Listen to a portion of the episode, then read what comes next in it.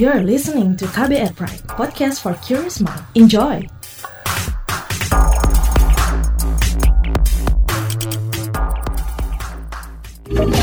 Kamu lagi dengerin What's Trending KBR Pagi.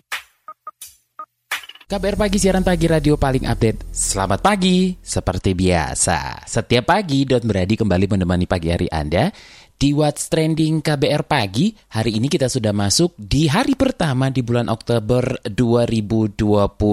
Huh, sudah bulan ke-10 di tahun 2020. Sisa tinggal 10, 11, 12. Tiga bulan lagi nih kita melewati 2020.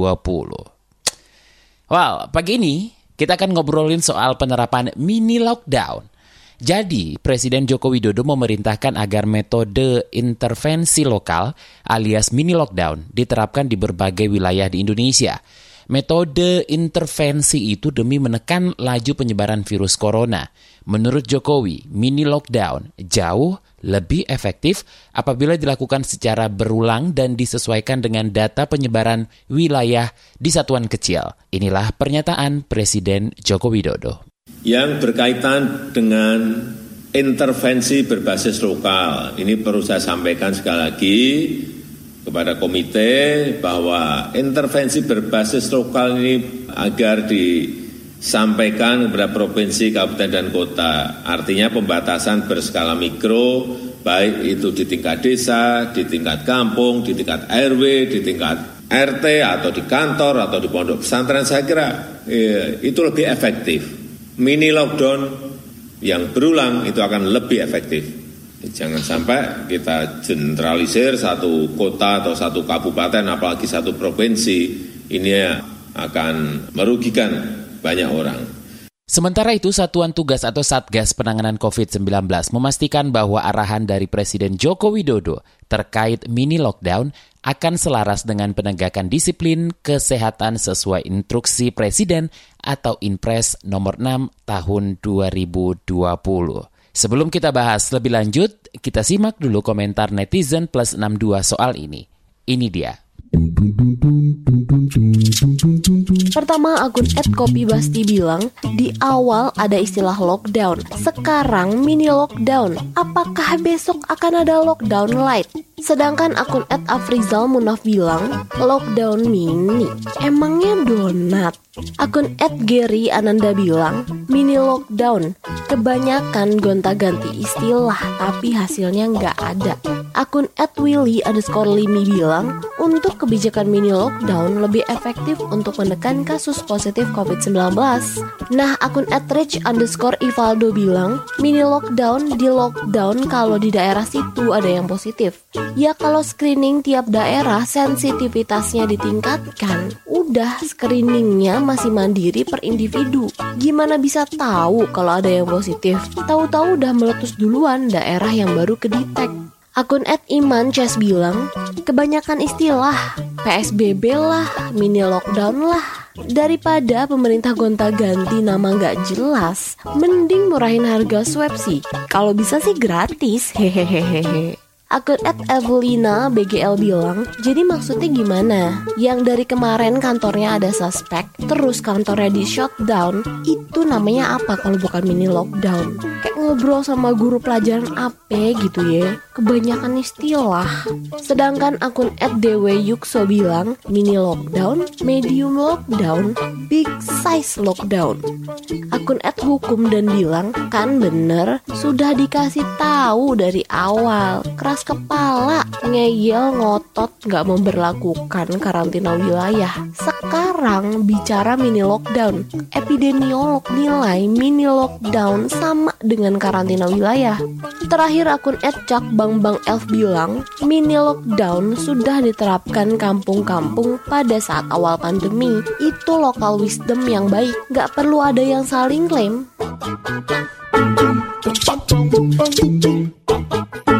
What's Trending KBR Pagi. Selamat pagi buat Anda yang baru saja mendengarkan What's Trending KBR Pagi. Kita lagi ngobrolin soal mini lockdown. Apalagi nih ya. Jadi, Nama lain mini lockdown atau pembatasan sosial berskala mikro atau kecil saat ini tengah diterapkan untuk daerah zona merah COVID-19. Berikut pernyataan juru bicara Satuan Tugas atau Satgas Penanganan COVID-19, Wiku Adhisa Smito, seperti dilansir dari video conference kanal Sepres RI 29 September kemarin. Jadi memang Presiden menugaskan Wakil Ketua Komite Eh, kebijakan penanganan COVID-19 ini dan uh, pemulihan ekonomi nasional Bapak Luhut Binsar Panjaitan serta Ketua Satgas COVID-19 Bapak Doni Monardo untuk betul-betul mengawal arahan ini dan uh, arahan ini diterapkan dalam rangka juga adanya uh, Inpres nomor 6 tahun 2020 dalam rangka penegakan kedisiplinan. Dalam hal tentang uh, pembatasan berskala mikro ini maksudnya adalah apabila ada klaster atau sekumpulan kasus yang teridentifikasi pada wilayah-wilayah yang lebih kecil daripada kabupaten kota, misalnya di sebuah kecamatan atau di kelurahan atau bahkan di RW tertentu, maka itu bisa dilakukan pengendalian langsung pada daerah itu sehingga tidak terjadi mobilitas penduduk ke daerah lainnya dan penanganannya bisa fokus pada daerah komunitas tersebut. Dan ini diharapkan dari delapan provinsi prioritas tersebut betul-betul bisa dilakukan pengendalian dengan baik dengan kerjasama seluruh aparat baik dari pemerintah daerah maupun dari uh, Polri dan TNI sehingga pengendalian kasus per daerah atau per kelompok kasus betul-betul bisa ditangani sampai dengan tuntas. Demikian yang dimaksud dengan pembatasan uh, sosial berskala mikro atau komunitas. Nah, sementara itu tenaga ahli utama kantor staf Presiden Abraham Mirotomo menganggap konsep mikro lockdown atau mini lockdown yang disampaikan oleh Presiden Jokowi sebenarnya sudah diterapkan di Surabaya. Hal itu diungkapkannya saat melakukan kunjungan ke Surabaya hari Selasa kemarin dan soal ini kita simak laporan kontributor KBR Budi Prasetyo. Selamat pagi, tenaga ahli utama kantor staf Presiden Abraham Wirotomo menganggap konsep mikro lockdown atau mini lockdown yang disampaikan oleh Presiden Jokowi sebenarnya sudah diterapkan di Surabaya. Dalam kunjungannya ke kota Palawan yang dikutip dari website pemerintah kota Surabaya, Abraham menilai Pemkot Surabaya memiliki data yang detail. Jadi bisa diketahui warga yang positif itu berada di gang mana dan jalan apa. Sehingga menurutnya tidak harus menutup satu wilayah yang lebih luas. Cukup di gang tertentu saja. Sementara itu Wali Kota Surabaya Surabaya Tri Risma hari ini pun menjelaskan bahwa setelah diketahui ada warga yang positif di salah satu gang maka di gang tersebut langsung diblokade dan langsung dilakukan tes semuanya. Kata dia blokade tersebut dilakukan supaya di gang sebelahnya tidak tertular. Bahkan saat tes swab di Surabaya sudah gratis dan setiap warga hanya mampu melakukan tes swab sekitar 4.000 sampel. Ia mengaku melakukan tes dadakan di tempat kerumunan massa atau tempat nongkrong anak muda. Demikian saya Budi Prastio melaporkan untuk KBR. Selain itu, Jawa Barat menjadi salah satu dari sembilan provinsi yang masuk daerah prioritas penanganan COVID-19 telah menerapkan pembatasan sosial berskala mikro atau lockdown mini atau mini lockdown. Gubernur Jawa Barat Ridwan Kamil mencontohkan kelurahan Hagar Mana yang dilakukan penutupan tanpa menutup seluruh kota Bandung. Kota Bogor, kata Ridwan Kamil, juga melakukan itu. Menurutnya lebih efektif mengunci zona-zona yang lebih kecil ketimbang melakukan skala besar karena ditilik dari geografisnya daerah-daerah di Jawa, uh, di Jawa Barat ya, itu tidak kelas sama. Ada desa, gunung, atau kota. Selain itu, ada yang padat serta renggang penduduknya sehingga perlakuannya tidaklah sama. Kita nanti akan ngobrol dengan epidemiolog dari Universitas Griffith Australia, ada Diki Budiman. Setelah ini, jadi jangan ke mana-mana, tetap di What's Trending KBR Pagi. What's Trending KBR Pagi. Oke, kita lanjutkan lagi soal penerapan mini lockdown ini. Seperti yang saya katakan tadi, kita akan ngobrol dengan epidemiolog dari Universitas Griffith, Australia, Diki Budiman. Pak Diki, apa yang Anda tangkap dari pernyataan Presiden soal mini lockdown ini? Definisi yang saya pahami ya, yang lockdown itu tentu di dalam regulasi Indonesia kita nggak mengenal lockdown dan per definisi yang artinya hampir setara intervensinya dalam kaitan lockdown ini adalah di undang-undangan kekarantinaan kesehatan adalah karantina wilayah. Jadi kalau disebut lockdown yaitu karantina wilayah yang analogi atau persamaannya yang lebih sesuai di Indonesia, bukan PSBB. PSBB itu lebih longgar dari lockdown, jadi di bawah dari eh, levelnya di bawah lockdown. Nah, kalau bicara misalnya presiden bicara mini lockdown, artinya dalam pemahaman saya adalah berarti karantina wilayah pada skup yang kecil. Misalnya mungkin kalau menurut saya bukan pada level kabupaten kota harus di bawah level itu. Makanya disebut dengan mini lockdown minimal paling tinggi kecamatan lah kalau kita ya. Artinya mungkin kelurahan, RT dan segala, segala macam. Nah, namun sekali lagi